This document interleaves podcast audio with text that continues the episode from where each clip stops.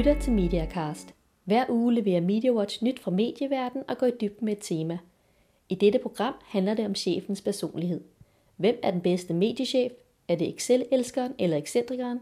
Og hvad betyder det for medieindholdet, at stadig flere forretningsfolk og djøffere sætter sig på chefposterne?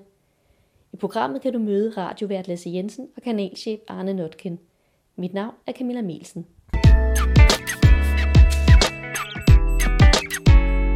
Først skal vi se nærmere på den seneste tids nyheder. Ole Nørskov, du er chefredaktør på MediaWatch og følger mediebranchen nøje. Hvad har været den seneste uges største nyheder set fra din stol? Det er klart, at den helt store nyhed i den uge, vi, vi har været igennem, det har været, at der kan komme en ansøgning til FM4 øh, på FM4-udbuddet. Og det må man selvfølgelig anse for at være en kæmpe fiasko for Per Stig Møllers øh, prestigeprojekt, øh, at det kun lykkedes at få en øh, et medie, en medievirksomhed til at, at byde på det. Øh, vi ved selvfølgelig ikke endnu, om det ender med at blive en god radio. Det kan det jo sagtens, så vi kan ikke sige endnu, at radioen er, er en fiasko, men vi kan i hvert fald sige, at udbuddet gik ikke helt sådan, som embedsapparatet og Per Stig Møller sikkert havde håbet. Og hvilke andre historier har der været op og vende den seneste uge? Jamen, jeg synes specielt, der har været to historier, som jeg har bidt mærke i. Den ene er, at vi snart får et, øh, nogle nye regler på det, der hedder cookie-området. Det er lidt øh, nørdet og lidt indviklet, men det kan faktisk gå hen og, og betyde temmelig meget for de danske internetmedier. Det betyder, at det bliver sværere at tracke øh, de besøgende på tværs af forskellige websteder, fordi man skal oplyse folk om, at man placerer det, der hedder en cookie, en, øh, man kan kalde det på dansk en huskekage på deres computer, øh, og øh, derfor øh, det, det gør det mere besværligt for annoncenetværk især, der opererer på tværs af sites. Øh, og det, det bliver meget spændende, hvordan, hvilken betydning det kommer til at få. Og den anden historie, jeg har blivet mærke i, er en historie om, at øh, mediebrugerne, eller øh, ikke alle mediebrugere, men nogle mediebrugere har indgået aftaler med, med medier, øh, hvor medierne har givet dem en form for returkommission. Øh, nogle rabatter, som ikke er kommet annoncørerne til gode, og som annoncørerne ikke har vidst noget om, øh, altså penge, som bare direkte er gået i mediebrugernes lommer, fordi de har brugt bestemte medier. Øh, man kan meget ord sige, at øh, de medier, der har betalt de her penge, og de mediebrugere, der har taget imod dem, har snydt annoncørerne. Øh, og det er, det er en, en, en, en grov ting, og heldigvis ser det ud som om, at der nu kommer til at, at ske noget på det område. Hvor mange penge drejer det sig om? Det er meget svært at sige, fordi det, det er ikke nogen, der ved. Man ved bare, at, at, at det er sket det er ikke de store medier, der har været involveret i det, så vi må formode, at det ikke er et kæmpe store beløb, det drejer sig om. Men det er dog trods alt nok til, at der er mange, der har bidt mærke i, at, øh, at den her praksis øh, har vundet indpas her gennem de senere år. Tak for de nyheder.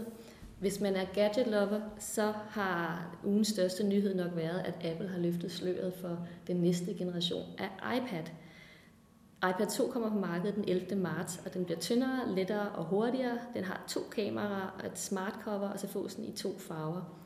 Og i præsentationsvideoen kalder Apple 2011 for The Year of iPad 2. Dømt ud for de første reaktioner af den nye iPad 2, så tyder meget på, at Apple fortsat vil dominere tabletmarkedet, og det er til trods for, at Apple-chefen Steve Jobs han holder sig i baggrund og til en afveksling ikke er med i præsentationsvideoen. Spørgsmålet er, om det er nødvendigt med en markant lederprofil, hvis Apple fortsat vil være førende.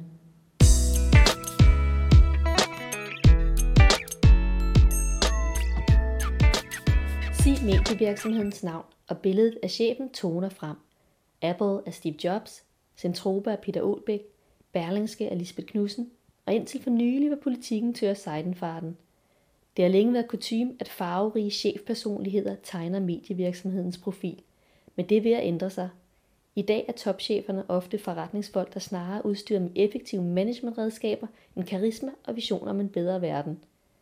På en mediekonference mødte jeg for nylig Lasse Jensen, som er vært på radioprogrammet Mennesker og Medier, og han forklarede, hvad det er, der er sket på mediernes direktionsgange starte med at sige, hvis man sammenligner danske mediechefer i dag med danske mediechefer for, skal vi sige, 15-20 år siden, så kan, synes jeg at kunne se, at der er sket et klart skift fra, at mediechefer før i tiden meget ofte var hentet blandt indholdsfolkene, altså journalister for eksempel.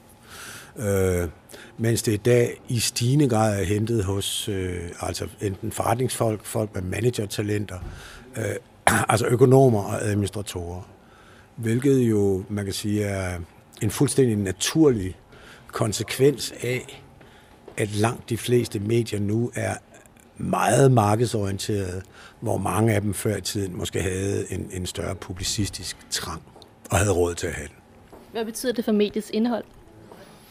Ja, det, det påvirker selvfølgelig mediernes indhold i, i, i mere markedsorienteret retning. Her, her selv, selv et medie, der altså i princippet er sat til at ændre markedet, som Danmarks Radio, har jo også i sin udvikling i de sidste 10-15 år klart drejet sig over mod markedet.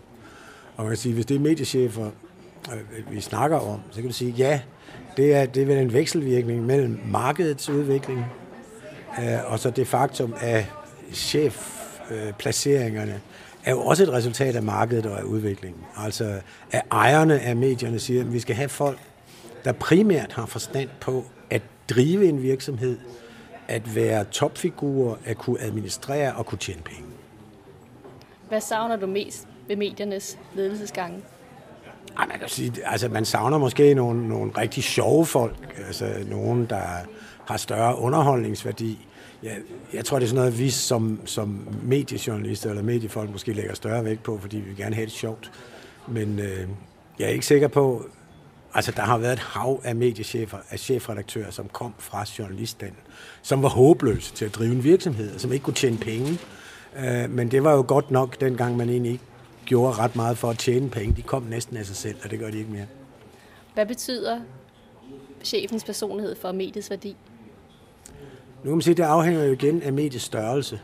Øh, hvis, altså chefen, chefen vil jo altid, kan man sige, reflektere mediets eller organisationens kultur, samlede kultur. Øh, og hvis du har en Kenneth Plommer i spidsen for Danmarks Radio, som kommer fra en ren kommersiel baggrund og har solgt øh, Barbie-dukker og, og Playstation og været meget dygtig til det, så vil det selvfølgelig reflektere på det image, øh, Danmarks Radio har mens Danmarks Radio nu har fået en chef, der har sådan en juridisk, politisk, økonomisk baggrund, men som til gengæld, det mener jeg ikke som modsætning til plommer nødvendigvis, øh, går for at være en meget dygtig administrator og en meget redelig og ordentlig person. Altså, og i dag kan man sige, at store virksomheder tegnes måske udad til af en eller anden chef men er jo præget af, at, at den chef meget mere er en person, der samordner, går i spidsen, men sidder for bordenden og træffer de vigtige beslutninger.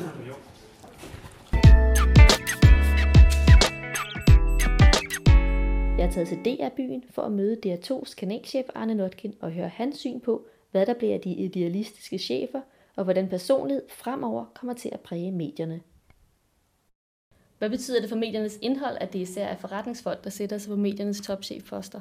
Jeg tror ikke, det behøver at have nogen konsekvens. Eller måske vil de netop sige, jamen øh, overlade det til indholdsmenneskerne at udfolde sig indholdsmæssigt, og så sørge for at få retningen til at køre, frem for chefredaktører, som ind og vil ind og rette kommaer.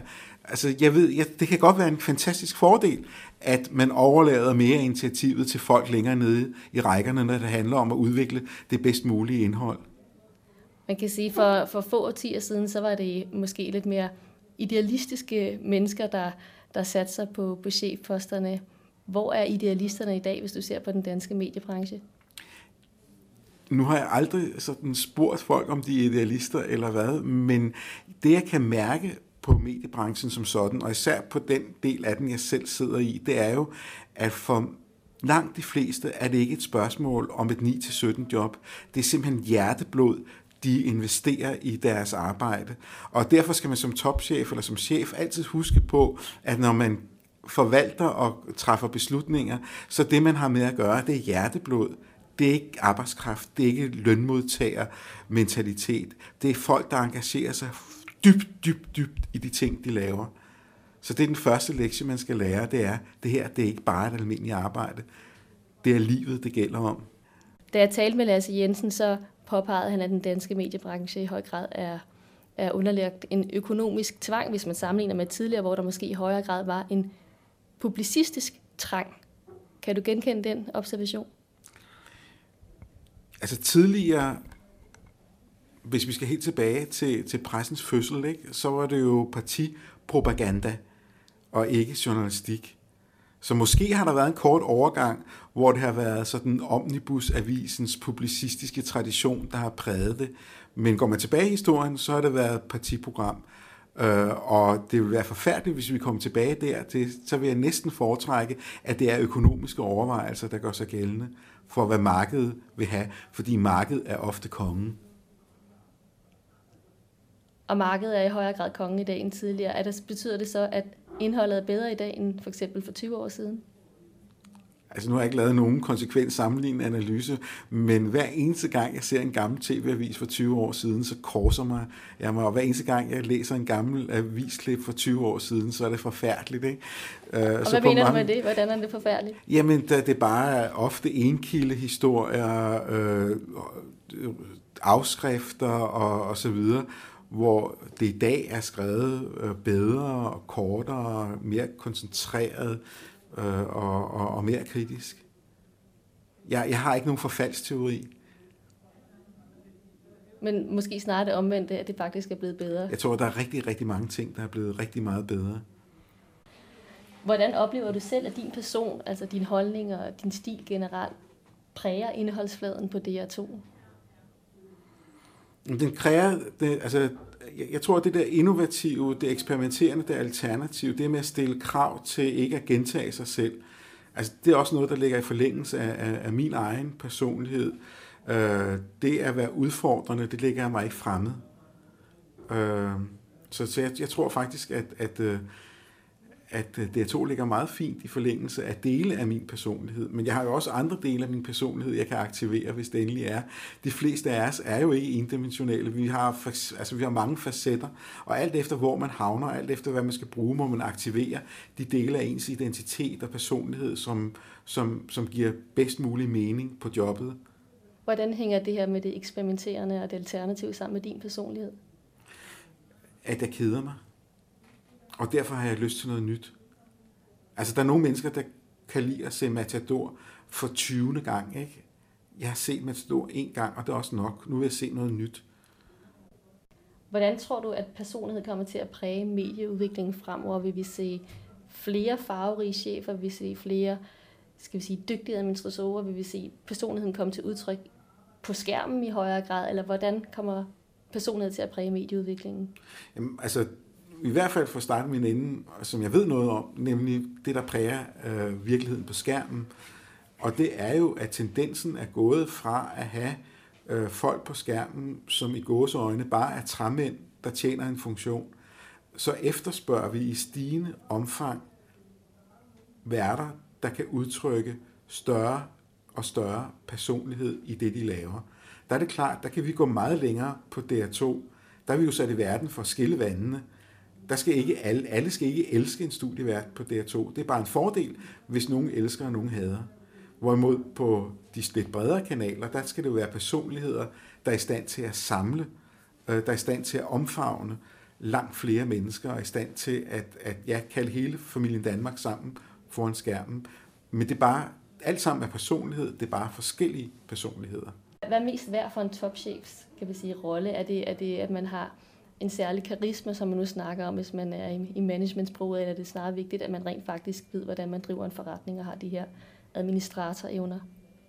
Jeg tror, altså begge dele er, er vigtige. At både at man har en professionalisme, som man kan løse de opgaver, man rent faktisk bliver stillet, men også at man er i stand til at kommunikere, så man får folk med sig. Altså det, man skal som mediechef, det er jo at lægge en retning og formå at kommunikere den retning, så alle øh, arbejder i samme retning. Ikke? Altså der, jeg plejer at sige, at der er sådan tre ting, man skal lægge vægt på. Altså det ene, det er at sætte retningen og kommunikere det. Det andet, det er at kanalisere hjerteblodet hen det rigtige sted, der hvor det gør mest mulig gavn. Og det tredje, det er at opmuntre.